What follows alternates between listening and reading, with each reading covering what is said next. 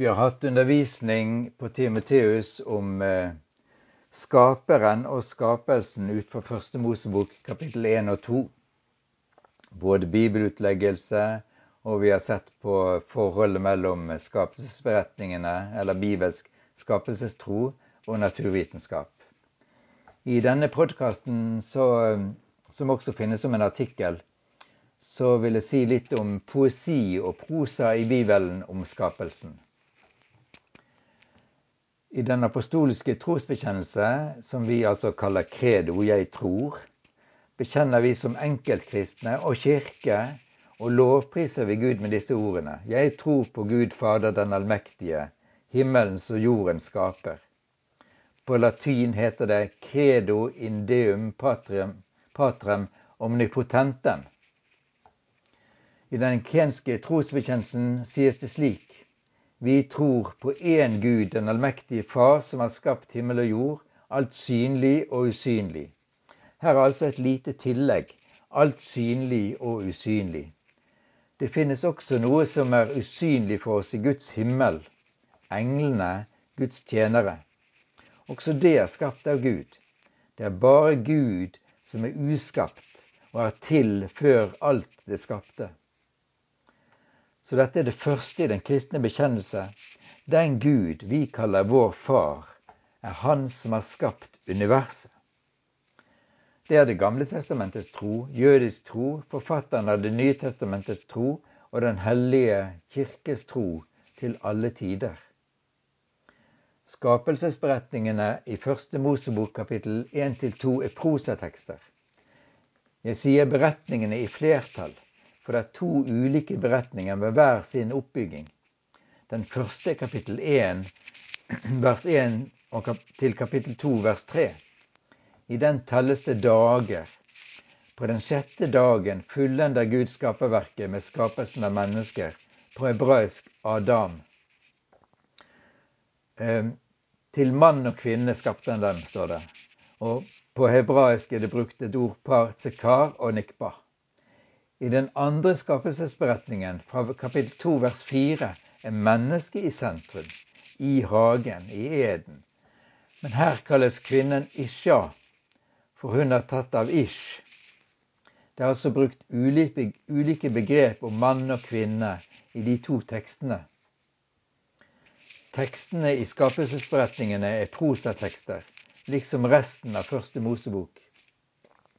Prosatekstene forteller en historie. Poesien fremstiller sannheter gjennom diktning. Skapelsesberetningene i første Mosebok kapittel 1-2 er prosa, men også med poetiske virkemidler. Og Vi kommer litt tilbake til det. Men i tillegg til Bibelens prosatekster om skapelsen finnes det flere poetiske tekster. Og vi vil se på noen av dem. Den første er den om visdommen i ordspråkene kapittel 8. Visdommen er et begrep brukt i ordspråkene kapittel 8. Men visdommen er ikke filosofisk, en filosofisk størrelse.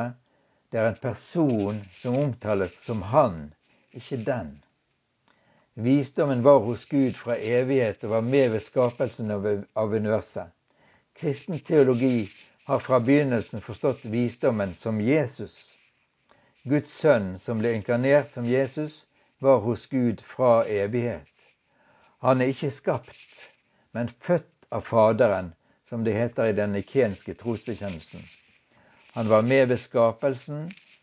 Sammenlign dette med beskrivelsen av det evige ordet, logos, i Johannes evangeliet kapittel 1. Logos uttrykker i gresk filosofi det samme som visdommen i ordspråkene, noe som er fra evighet. Alt er blitt til ved ham, heter det i Johannes 1. Og ham, det er Logos. På samme måte er det med visdommen. Han var med i skapelsen av universet. Vi siterer litt av teksten i ordspråkene 8. Innledningen er slik. Hør, visdommen roper. Forstanden løfter sin røst. Visdommen stiller seg på toppen av høydene, ved veien der stiene møtes. Fra vers 22 lyder det om visdommens opphav. Herren bar meg fram som sitt første verk, før hans gjerninger i fjerne tider. Fra eldgammel tid ble jeg formet, i begynnelsen, før jorden ble til. Jeg ble født da dypene ikke fantes, og de vannrike kildene ikke var til. Før fjellene var satt på plass, før høydene ble, født, ble jeg født. Han hadde ennå ikke laget jorden og marken og landjordens første støvkorn.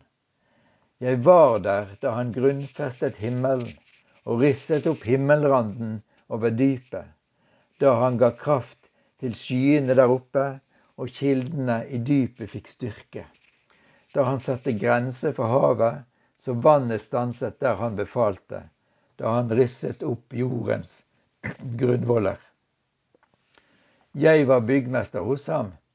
Jeg var til glede for ham dag etter dag og lekte stadig for hans ansikt. Jeg lekte på hans vide jord og gledet meg med menneskene. Så hør nå på meg, barn. Salige er de som følger mine veier. Flere av, skap, flere av salmene har poesi om skapelsen. Og Salmenes bok er selvfølgelig poetiske tekster. Salme 104 er den mest omfattende salmen i Salmenes bok om skapelsen. Den er ikke ment som en lære om naturvitenskap, men den er nettopp lovprisning til Gud i poetisk form. Derfor må vi ikke tenke at salmisten og Israel forestilte seg at jorden var bygd på søyler. Det er bare et poetisk bilde. Hver strofe i den lange salmen er Israels trosbekjennelse av Skaperen. Den evige Skaperen er Israels Gud. I noen av strofene kan vi gjenkjenne historiske hendelser fra, fra Bibelen, slik som vannfloden på Noas tid. Poesien forankres i israelsfolkets og verdens historie. Andre strofer gir gjenklang av skapelsesberetningen i Bibelens første kapitler. Boken som på hebraisk, gresk og latin heter I begynnelsen. Bereshit, Enarché og Genesis. Slik lyder det. Velsign eller lovpris Herren min sjel. Stor er du, Herre min Gud. Du har kledd deg i høyhet og herlighet. Du svøper lyset om deg som en kappe. Du spenner himmelen ut som en teltduk. Han tømrer sine høye saler i vannet. Han gjør skyer til sin vogn og farer fram på vindens vinger. Han gjør vindene til sine engler og flammende ild til sine tjenere. Han grunnla jorden på den søyler, aldri evighet skal den rokkes. Dypet dekker den som en kappe, vannet sto over fjellene. Da du truet, rømte det, det flyktet for lyden av din torden. Over fjell og ned i daler, til stedet du har fastsatt. Du satte en grense det ikke går over, det skal aldri mer dekke jorden. Du lar kilder velle fram i dalene så bekker renner mellom fjellene. Du gir drikke til alle dyr på marken, ville esler får slukket tørsten. Der finner fuglene under himmelen bolig, de synger mellom greinene. Han vanner fjellene fra sin høye sal, jorden mettes med frukten av din gjerning.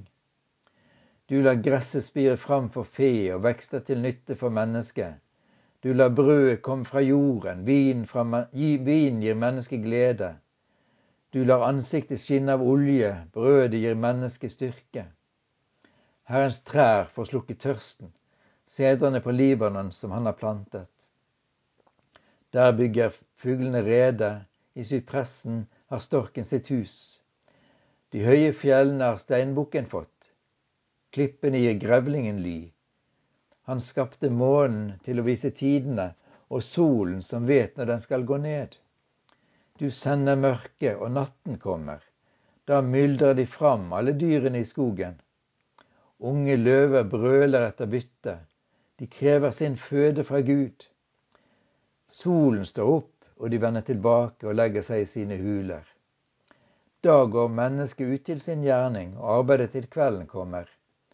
Herre, hvor mange dine gjerninger er, og alle har du gjort med visdom. Jorden er full av det du bærer fram. Her er havet stort og hvitt, med en talløs vrimmel av dyr, både små og store. Der stevner skipene fram, der er leviatan, som du har skapt til å leke med. Alle venter på deg, at du skal gi dem mat i rette tid. Du gir, og de sanker. Du åpner hånden, og de blir mettet med det gode.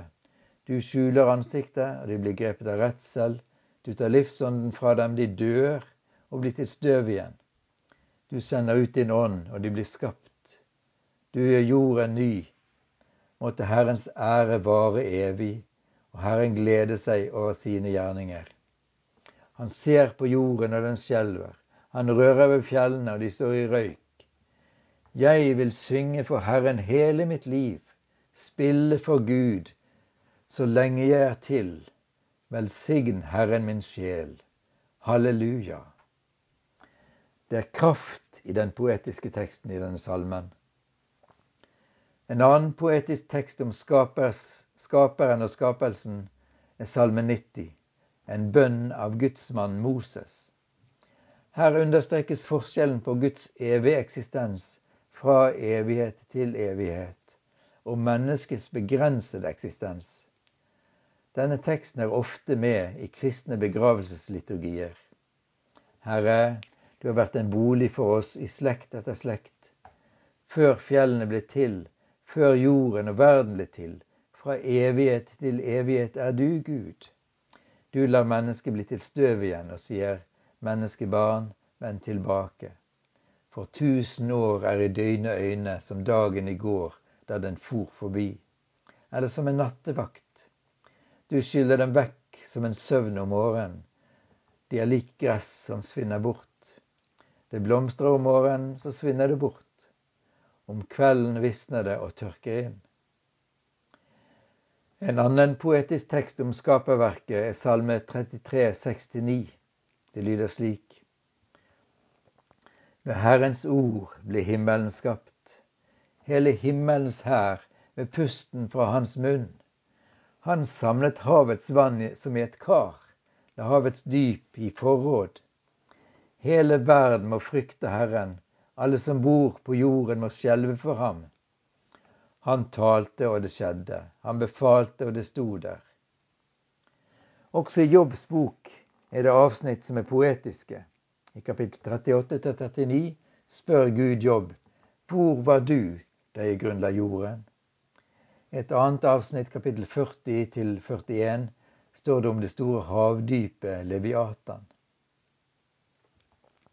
Og så en salme om skapelsen av mennesket. Salme 8 beskriver hvor verdifullt og vidunderlig det lille mennesket er, midt i det enorme og underfulle universet. I Bibelselskapets oversettelse heter det at du satte ham, altså mennesket, lite lavere enn Gud. Det er det hebraiske ordet Elohim, som kan bety både Gud og engler, er oversatt i den greske oversettelsen Septuaginta med ordet angelos. Og Derfor er det kanskje like rett, eller kanskje riktigere, å oversette slik du satte mennesket lite lavere enn englene. David synger i denne salmen Herre vår Herre, hvor herlig ditt navn er over hele jorden, du som har bredt ut din prakt over himmelen. Når jeg ser din himmel, et verk av dine fingre, månen og stjernene som du har satt der, hva er da et menneske, at du husker på det, et menneskebarn, at du tar deg av det? Du satte ham lite lavere enn englene, eller Gud, og kronet ham med herlighet og ære. Du gjorde ham til herre over dine henders verk, og alt la du under hans føtter. Småfe og storfe i samlet flokk, de ville dyrene på marken, fuglene under himmelen og fisken i havet, alt som ferdes på havets stier. Herre, vår Herre, hvor herlig ditt navn er over hele jorden. Salme 139 forteller om hvor underfullt Gud skapte mennesket. For du har skapt mine nyrer, du har vevd meg i mors liv. Jeg takker deg for at jeg er så underfullt laget. Underfulle er dine verk, det vet jeg godt. Knoklene mine var ikke skjult for deg da jeg ble laget på hemmelig vis og vevd i dyp, dypt i jorden. Dine øyne så meg da jeg var et foster. Alle dager skrevet opp i din bok. De fikk form før én av dem var kommet. Og så spør vi til slutt er skapelsesberetningen i Første Mosebok kapittel 1-2 en form for hebraisk poesi? Gordon Wenham, professor i teologi, skriver i det teologiske verket The Word Biblical Commentary om Genesis kapittel 1-15. Og I det følgende så bruker vi i dette vi siterer begrepet Genesis for Første Mosebok. Genesis 1-1-1 er en overtyre, en introduksjon til hele den følgende fortellingen om skapelsen. Utenom-bibelske skapelseshistorier fra det nære Østen er vanligvis poetiske, men Genesis 1 er ikke typisk hebraisk poesi. Noen bibelteologer understreker at Genesis 1 er en ren prestelig teologi, og insisterer på at det ikke er poesi i det hele tatt. Det finnes ikke himmelologiske elementer i språket, sier teologen von Rath, som var ekspert på Det gamle testamentet og hebraisk språk. På den andre side er ikke Genesis en vanlig hebraisk prosa heller. Syntaksen er tydelig forskjellig fra fortellende prosa. Andre teologer mener at det er poetiske elementer i teksten, selv om det meste er prosa. De tenker at det er mulig at de poetiske fragmentene skriver seg fra tidligere skapelsesberetninger. Noen peker på at prologen i Genesis 1 har blitt sammenlignet med åpningsprologen i Johannesevangeliet gjennom teologihistorien. Intensjonen med prologen i Genesis 1 er å være en innledning til hele boken, slik Johannesprologen er innledningen til hele Johannesevangeliet. Gordon Wenham skriver videre i sin kommentar til Genesis. Innledningene i kapittel 1.1 og det nye avsnittet i kapittel 2.4 starter med de samme ordene. Han skapte Gud, himmel og jord. Tallet sju dominerer i åpningskapitlet. Dette tallet som er hellig, på en måte hellig i hebraisk, både med hensyn til antall ord, men også antall fraser der samme jordet gjentas. F.eks. er Gud nevnt 35 ganger, altså 7 ganger 5. Ordet jord er nevnt 21 ganger, altså 7 ganger 3. Himmel og himmelhvelvingen er nevnt også 21 ganger, 7 ganger 3. Mens frasene 'det ble slik', og 'Gud så at det var godt', forekommer sju ganger. Konklusjonen blir at Genesis 1 kan ligne en hymne eller et dikt, men er likevel noe annet. Det kan, ikke, det kan heller beskrives som opphøyet prosa, som fungerer som prolog til hele Genesis. Det er mye som tyder på at Genesis er en polemisk tekst i forhold til skapelsesmytene i Mesopotamia. For den som vil lese mer om dette, så har vi i den skriftlige artikkelen vist til flere kilder.